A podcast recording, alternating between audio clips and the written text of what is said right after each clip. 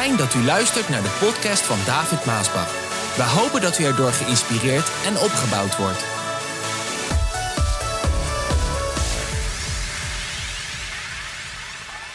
Ik zeg wel eens dingen die hard lijken. Niemand zegt amen. Maar is dat waar of niet? Ik zeg wel eens dingen die hard lijken. Je kan zeggen die hard zijn. Nou, David, ze zijn gewoon hard. ik zeg die hard lijken. En ik weet ook dat ik met die dingen, dus I'm aware of it, maar ik weet ook dat ik met die dingen uh, niet gauw vrienden bouw. Dat geldt ook voor jou, hè? Als je eerlijk bent en je zegt de dingen zoals, zoals je eigenlijk het zou moeten zeggen. Tegen familie of vrienden of kinderen of broeders of zusters die een bepaalde manier van denken hebben of ineens een afslag nemen. Dat je eigenlijk wat zou moeten zeggen, maar je doet het niet. Want je durft niet of je wil niet kwetsen of je bent bang dat de vriendschap stuk gaat. Dat besef ik natuurlijk ook. Als ik bepaalde dingen zeg. Ik weet ook, want daar denk ik natuurlijk ook wel eens over na. En er zijn ook momenten dat ik zeg: Ach, Heer, weer. Ik weet ook dat de dingen die ik soms zeg mij soms isoleren van andere predikers en kerken. Dat, dat besef ik ook met bepaalde dingen die ik zeg. Maar lieve mensen, ik kan niet anders dan doorgeven dat wat God op mijn hart legt. Hoor je dat? Ik kan niet anders soms dan wil ik wel. En dan neem ik mezelf voor om bepaalde dingen anders. En dan ben ik onder de zalving en dan kan ik weer niet anders. en dan moet ik zeggen wat de Heer mij gegeven heeft. Of de mensen het nou leuk vinden of niet. Ik kan niet anders. Ik kan niet anders dan soms dingen zeggen waarvan ik weet dat dat sommige mensen boos maakt.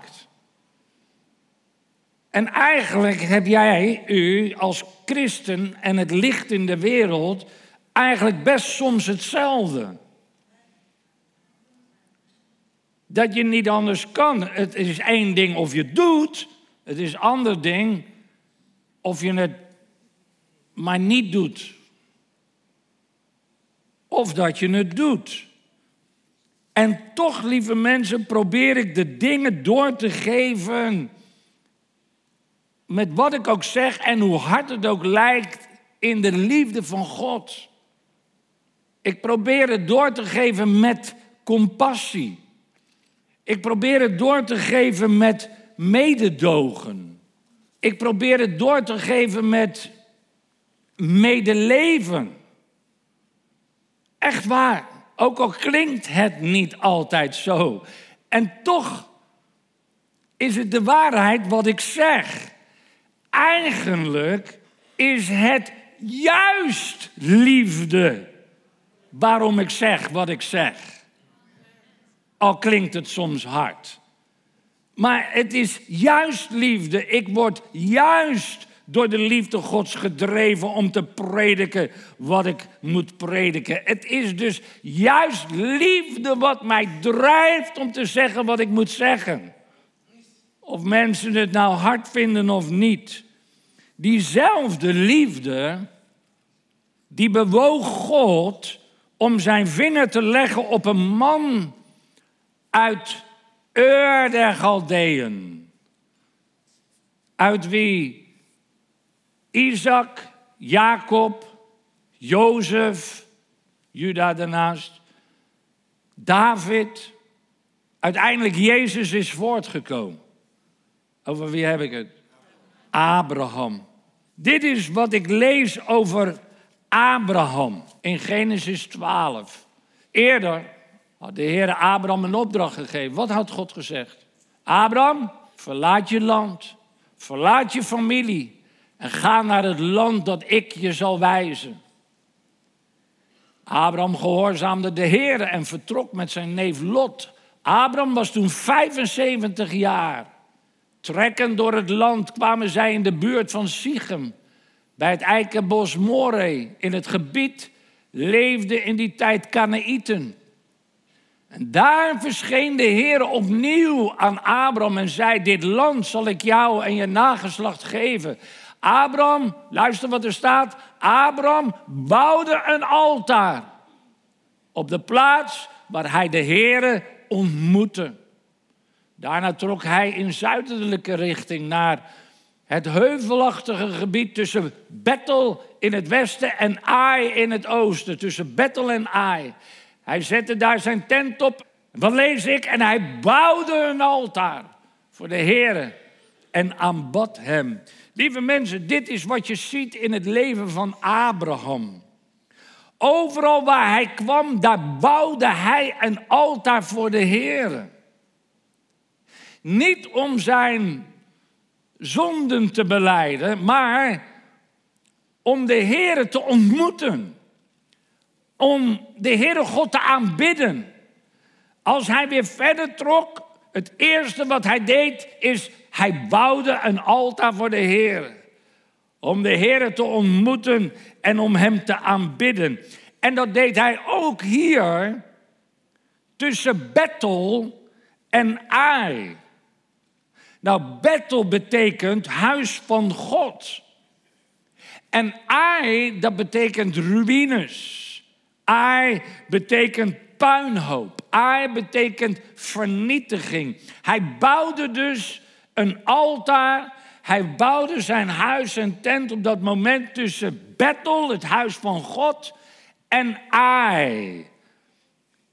De plaats van vernietiging, ruïne. Abraham met zijn altaren leefde in complete toewijding aan de levende God. Hij leefde in complete afhankelijkheid van de levende God.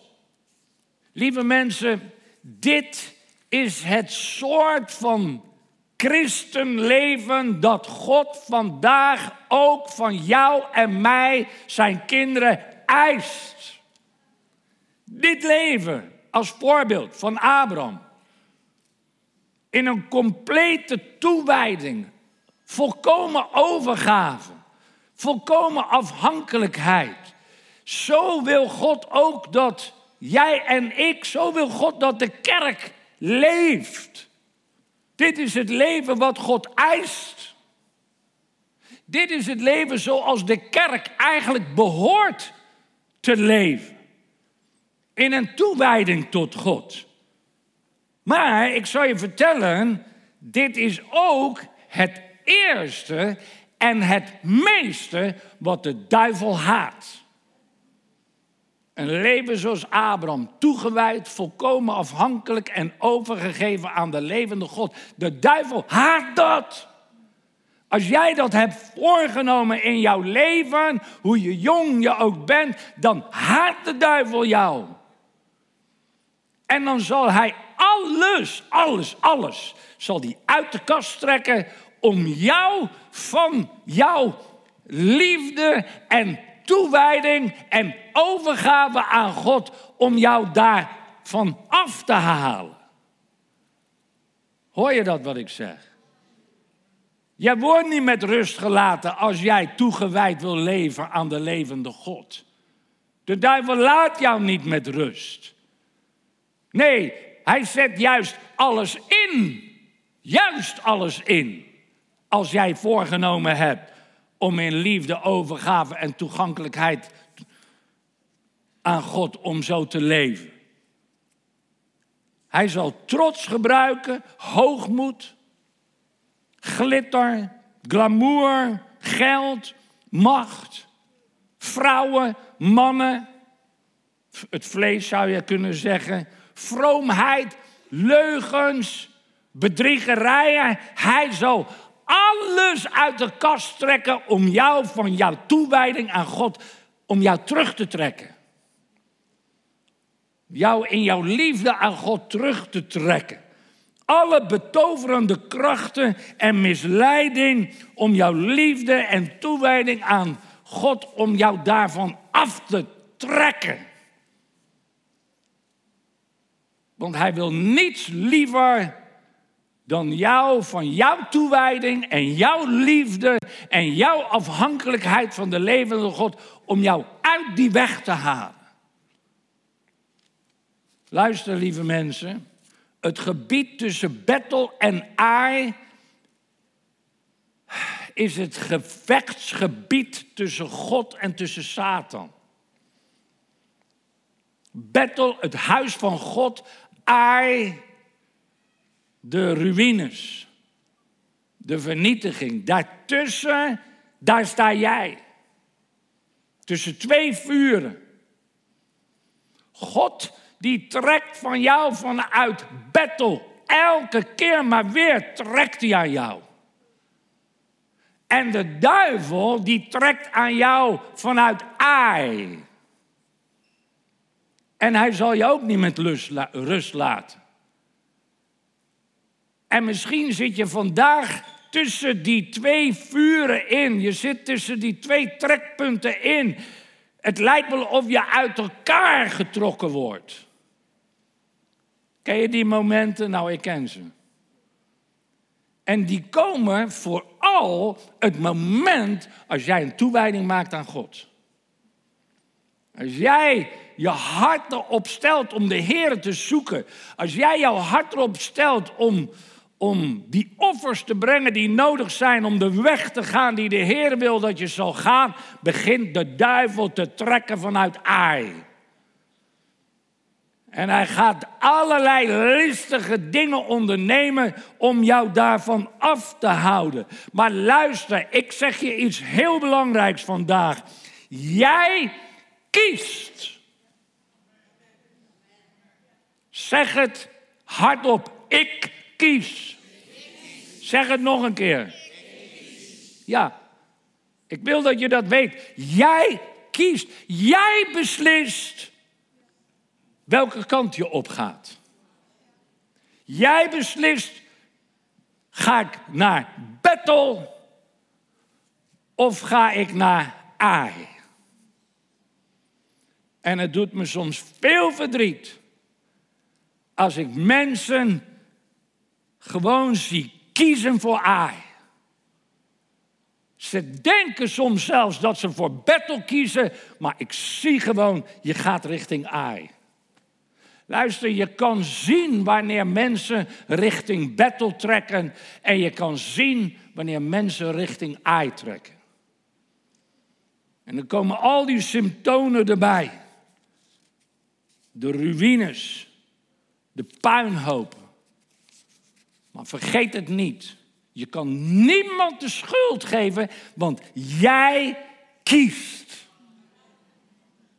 Jij kiest. Ja, maar broeder David, die broeder, die zuster. Ja, maar broeder David, de gemeente, dit en zus en zo. Ja, het zal allemaal wel. Jij kiest. Jij kiest. Jij kiest in jouw leven. Ik hoop dat dit heel goed bij je binnendringt. Jij kiest. Jij beslist. Uiteindelijk, op dat moment tussen Bethel en Ai, is het niet God die beslist. Het is niet de duivel die beslist. Het is niet je broeder, niet je zuster. Nee, jij kiest. Ja, maar die gaat, die gaat ook hierheen en die gaat weg en die doet dit en die doet zus. Als iedereen in de sloot springt, dan kies jij of dat je er ook in springt of niet. Jij kiest. En dit scenario, dat vind je terug in de hele Bijbel. Je vindt het terug helemaal dus vanaf Genesis al. Abel, hij koos ervoor om zijn broer Abel te, doden. Eva, zij koos ervoor om van die vrucht te eten. En in de tijd van Noach, toen de Heere God zag dat de hele aarde verdorven was. En de zoon zonde op de wereld was.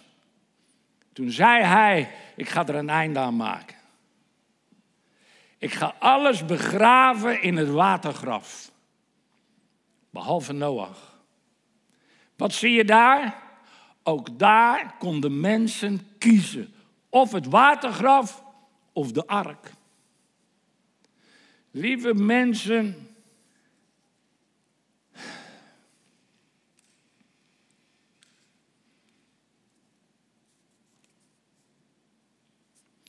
Er zijn velen die dit niet begrijpen waar ik het over heb.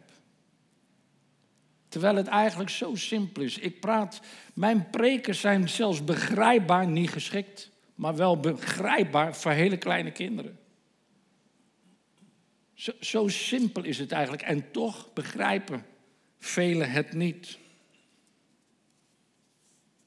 Hoe kan een God van liefde zoveel leed toelaten? Hoe, hoe kan dat? Velen hebben ook een idee dat de God van het Oude Testament is een andere God van het Nieuwe Testament.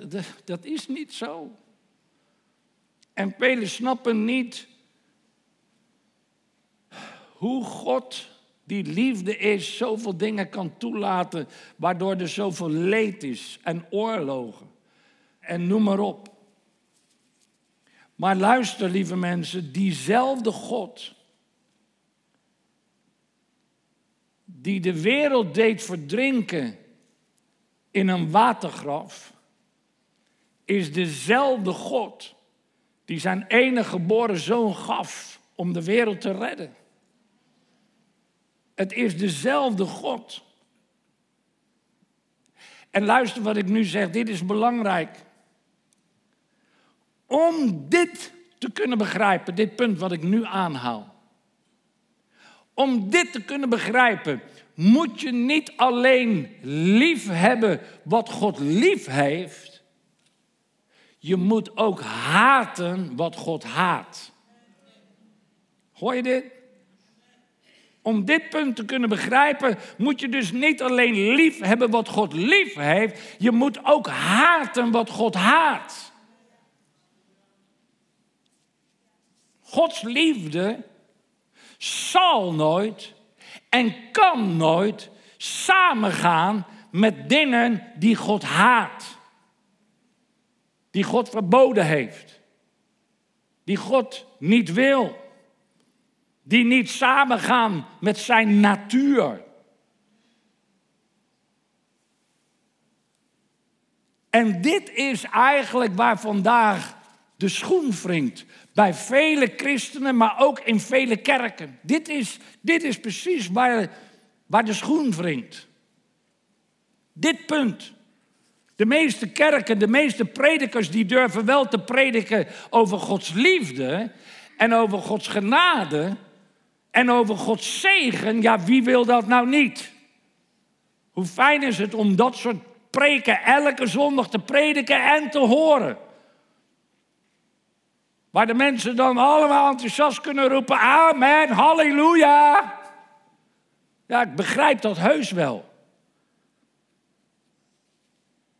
Maar zij durven niet te prediken over de dingen die God haat. Er zijn dingen die God haat. Er zijn dingen die God verboden heeft. Ja, maar men wil dat niet, omdat dat maakt je niet populair. Dan maak je geen vrienden mee. Luister, dat geldt voor jou ook. als er dingen zijn en je wandelt in het licht en jouw leven is toegewijd en afhankelijk van God en volkomen overgegeven en jij hebt besloten, ik en mijn huis, wij zullen de Heer dienen en wandelen in zijn wegen. En als je dat dan gaat vertellen tegen je onbekeerde kinderen of je onbekeerde familieleden of je onbekeerde vrienden en bij tijd en wijle dat je de waarheid aan ze zegt, ja, dan maak je geen vrienden mee dan merk je ineens het verschil. Want aan de vrucht ken je de boom. En toch is het ook jouw taak, hè? Niet alleen die van mij, hè? Want ik kan genoeg teksten aanhalen waar Jezus ons oproept om een zoutend zout te zijn en een lichtend licht, hè? En om je kruis op te nemen en Hem te volgen. En dit, lieve mensen, dit is precies waar ik het over heb. Het grote gevaar van vele christen en de kerk. Dit is het grote gevaar van de kerk van vandaag. Juist in een tijd van inclusie. Inclusie. Dat is eigenlijk insluiting. Dat is een nieuw fenomeen die de duivel gevonden heeft om de kerk ook te misleiden. Inclusie, insluiting. Alles moet erbij. Alles moet erbij. Iedereen, in welke vorm van leven ook, al is het nog zo goddeloos, moet zich kunnen, moet kunnen leven zoals ze leven en moet inclusief zijn, ingesloten zijn. Wij moeten het allemaal accepteren, want dat is inclusie. En het moment dat je dat niet doet, dan ben je een racist. Je bent een. Allemaal isten. Allemaal isten. Ja, je bent niet liefdevol. Je toont geen liefde. Je wordt uitgemaakt voor alles en nog wat. Je wordt neergezet en je wordt verketterd. Dat is het probleem vandaag. Wat een misleiding van de boze. Weet je niet dat Jezus zegt dat een klein beetje gist het hele gist zuur maakt? Toch? Dat zegt hij toch ergens? Een klein beetje gist. In dat zuur of in dat deeg maakt het hele deeg zuur. Klein beetje gist, het hele deeg wordt zuur. Luister, lieve mensen, dit is precies hoe de duivel vele kerken heeft geïnfiltreerd. En helemaal vandaag met die goddeloze inclusie. En, en dat vind ik verschrikkelijk, dat het de kerk is binnengekomen. En uiteindelijk maakt het het hele deeg zuur. Beetje bij beetje neemt de duivel bezit van de kerk totdat alles corrupt en verrot is. Dat is hoe de kerk vandaag in ons Nederland ervoor staat. Misschien zeg jij, David, wat heb jij toch tegen de kerk? Je moet niet boos op mij worden als ik deze dingen zeg, hè? ook niet op de multi multimedia kanalen, livestreamen. Wat heb jij tot, tegen de kerk? Ik, ik zal je zeggen. Ik zal het je zeggen, lieve mensen. De kerk is het lichaam van Christus. Ik herhaal dit.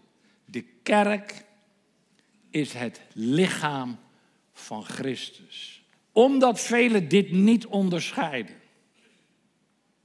Omdat ze natuurlijk zijn. En ze halen allemaal dingen in de kerk binnen onderscheiden ze niet dat het het lichaam van Christus is. Het is niet een clubje mensen bij elkaar.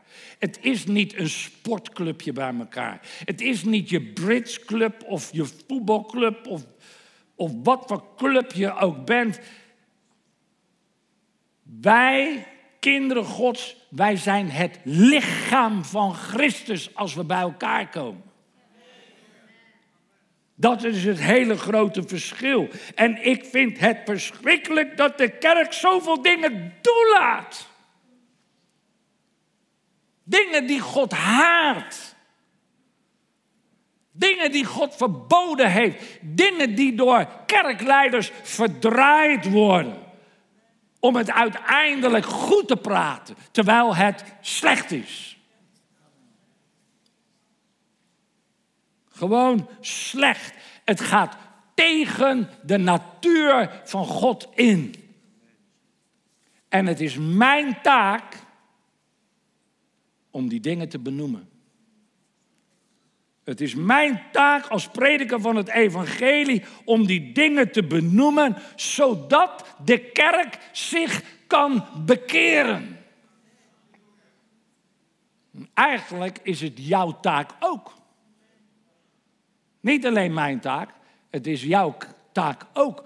Als jij weet dat er iets verkeerd zit en het wordt gepredikt en er komt een broeder of een zuster naar je toe om dan met iets te komen en je weet dat het niet goed is, is het jouw taak om de waarheid te zeggen.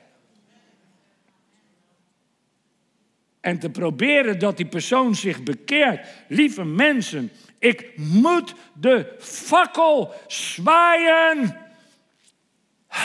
om de mensen te waarschuwen. Om de kerk te waarschuwen. Het is als een, als een dichte mist. En, en de weg gaat naar een brug en de brug is weggeslagen en je ziet geen niks voor ogen en al die auto's met al die mensen erin die rijden zo de afgrond in. En als je dat ziet, dan hoor jij daar te gaan staan en met een fakkel te zwaaien. Zodat ze gewaarschuwd worden. En ja, misschien zijn er van die mensen die dan zullen zeggen: Potjandozie.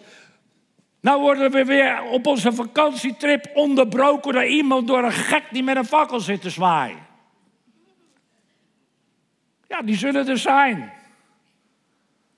Maar jij, jij ziet het gevaar. Je ziet dat de mensen verloren gaan.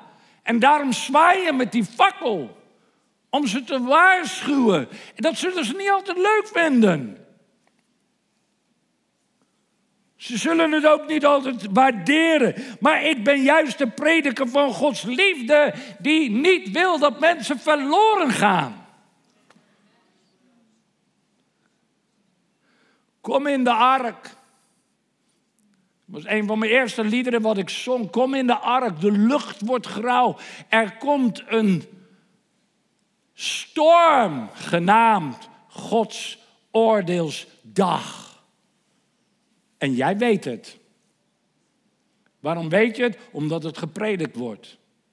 Omdat je de waarheid hoort. Jij weet dat er een oordeelsdag komt. Jij weet dat er een oordeelsdag komt. Jij weet dat. En als jij dat weet en je ziet mensen die verloren gaan, dan hoor jij ze te waarschuwen. En zeker de kerk. En dat is het ergste, vind ik. Echt waar. Vele katholieken, vele hervormden, vele gereformeerden, vele protestanten, vele evangelische, vele pinksterchristenen, vele apostolische christenen, vele boeddhisten. Nou, de boeddhisten weten we, moslims weten we, maar ook juist al die kerken die wij in Nederland rijk zijn. Ze zijn niet wederom geboren en die mensen denken naar de hemel te gaan.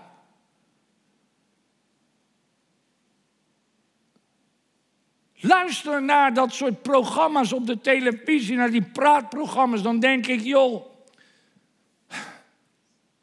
de manier waarop je praat laat zien dat je niet wederom geboren bent. En die mensen denken echt dat ze naar de hemel gaan. Er zijn zelfs een heleboel goddelozen die denken dat ze naar de hemel gaan. Ja, hij kijkt van boven toe. Nou, hij kijkt niet van boven toe.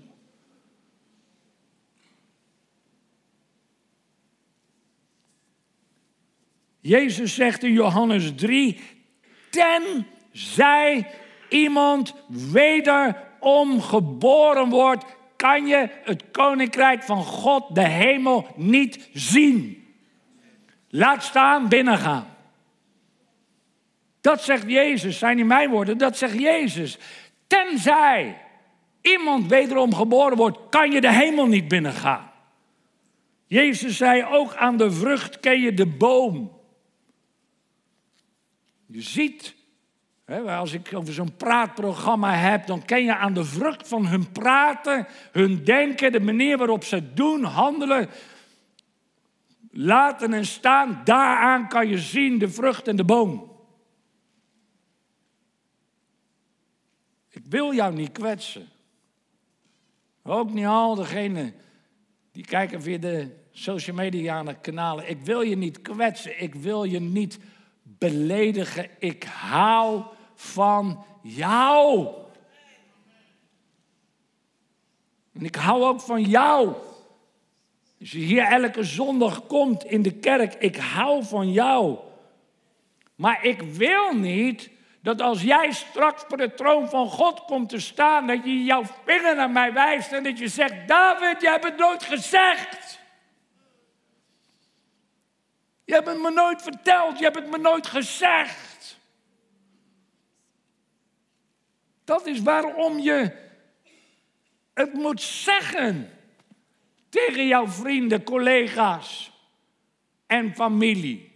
Hoeft niet de hele dag door te drammen, maar je moet de Heer bidden voor een opening die de Heilige Geest geeft, zodat je het kwijt kan.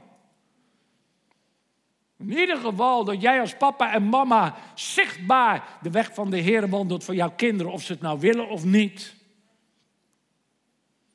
Jij hebt een keus gemaakt. Je hebt geknield bij het kruis van Jezus en jij hebt een keuze gemaakt. Je hebt gekozen voor battle. Lieve mensen, dat is waarom ik deze dingen zeg. En jij kiest ik zeg de dingen, ik leg het neer en jij kiest. Battle of I. Elke keer wanneer je daartussenin komt in dat gevechtsgebied, jij kiest. Battle of I. En hoe vaak zeg ik niet kies, ga naar het huis van de Heer. Kies battle. Kies battle. 1 Johannes 1, vers 9 zegt, als wij onze zonde bekennen, is God zo trouw en rechtvaardig ons die te vergeten, vergeven, dan reinigt Hij ons van alles wat we verkeerd hebben gedaan. God houdt van jou. God houdt van alle mensen. God wil je vergeven. God wil je blij en gelukkig maken. Lieve mensen, daarom moeten wij zwaaien met die wakkel. Daarom moet je je mond openen vandaag. Niet zwijgen, maar openen wanneer dat moment komt. En die opening moet je de waarheid zeggen. Of ze het nou leuk vinden of niet, of je nou vrienden maakt of niet, je moet het zeggen, je moet staan voor waar je voor staat. En dan vertel je het, en dan zeg je het, en dan waarschuw je. En dat moet ik ook naar de kerk, vandaar dat ik wel eens dingen over de kerk zeg. Ik moet ook de kerk toespreken. Ik moet die dominee aanspreken. Ik moet die predikant aanspreken. Het is niet dat ik dat doe, het is God door me heen die ze waarschuwt. Zodat hun weer het volk kunnen waarschuwen of ze doen of niet doen. Want je hele leven naar de kerk gaan maakt niet dat je de hemel binnen gaat, dat je gered wordt. Je hele leven goed doen maakt niet dat je de hemel binnen gaat en gered wordt. De Bijbel zegt in Handelingen 4, vers 12. Bij niemand anders is redding te vinden. Hij is de enige door wie de mensen gered kunnen worden. Niet de kerk, niet de dominee, niet de beleidenis, niet de biecht in het biechthokje, niet de doop door besprenkeling van papa en mama. Het is er maar één. En hij heeft gezegd in Johannes 14, hij zegt, ik ben de weg, de waarheid en het leven. En dat is wat wij de wereld moeten vertellen.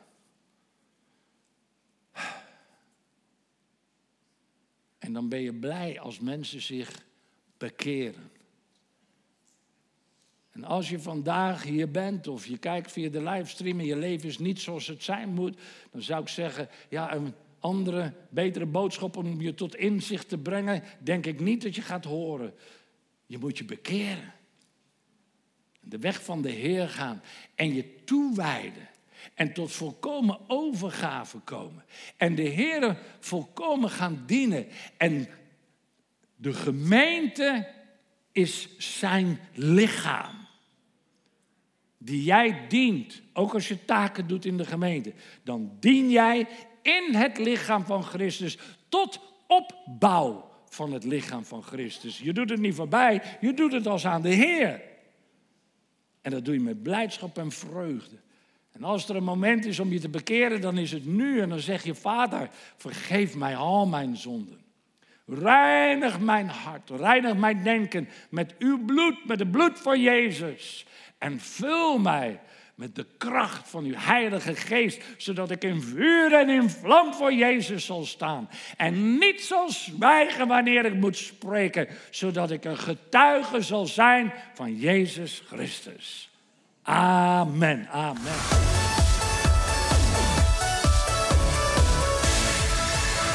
Bedankt voor het luisteren naar deze podcast. Wilt u meer preken beluisteren? Ga dan naar message.maasbachradio.com.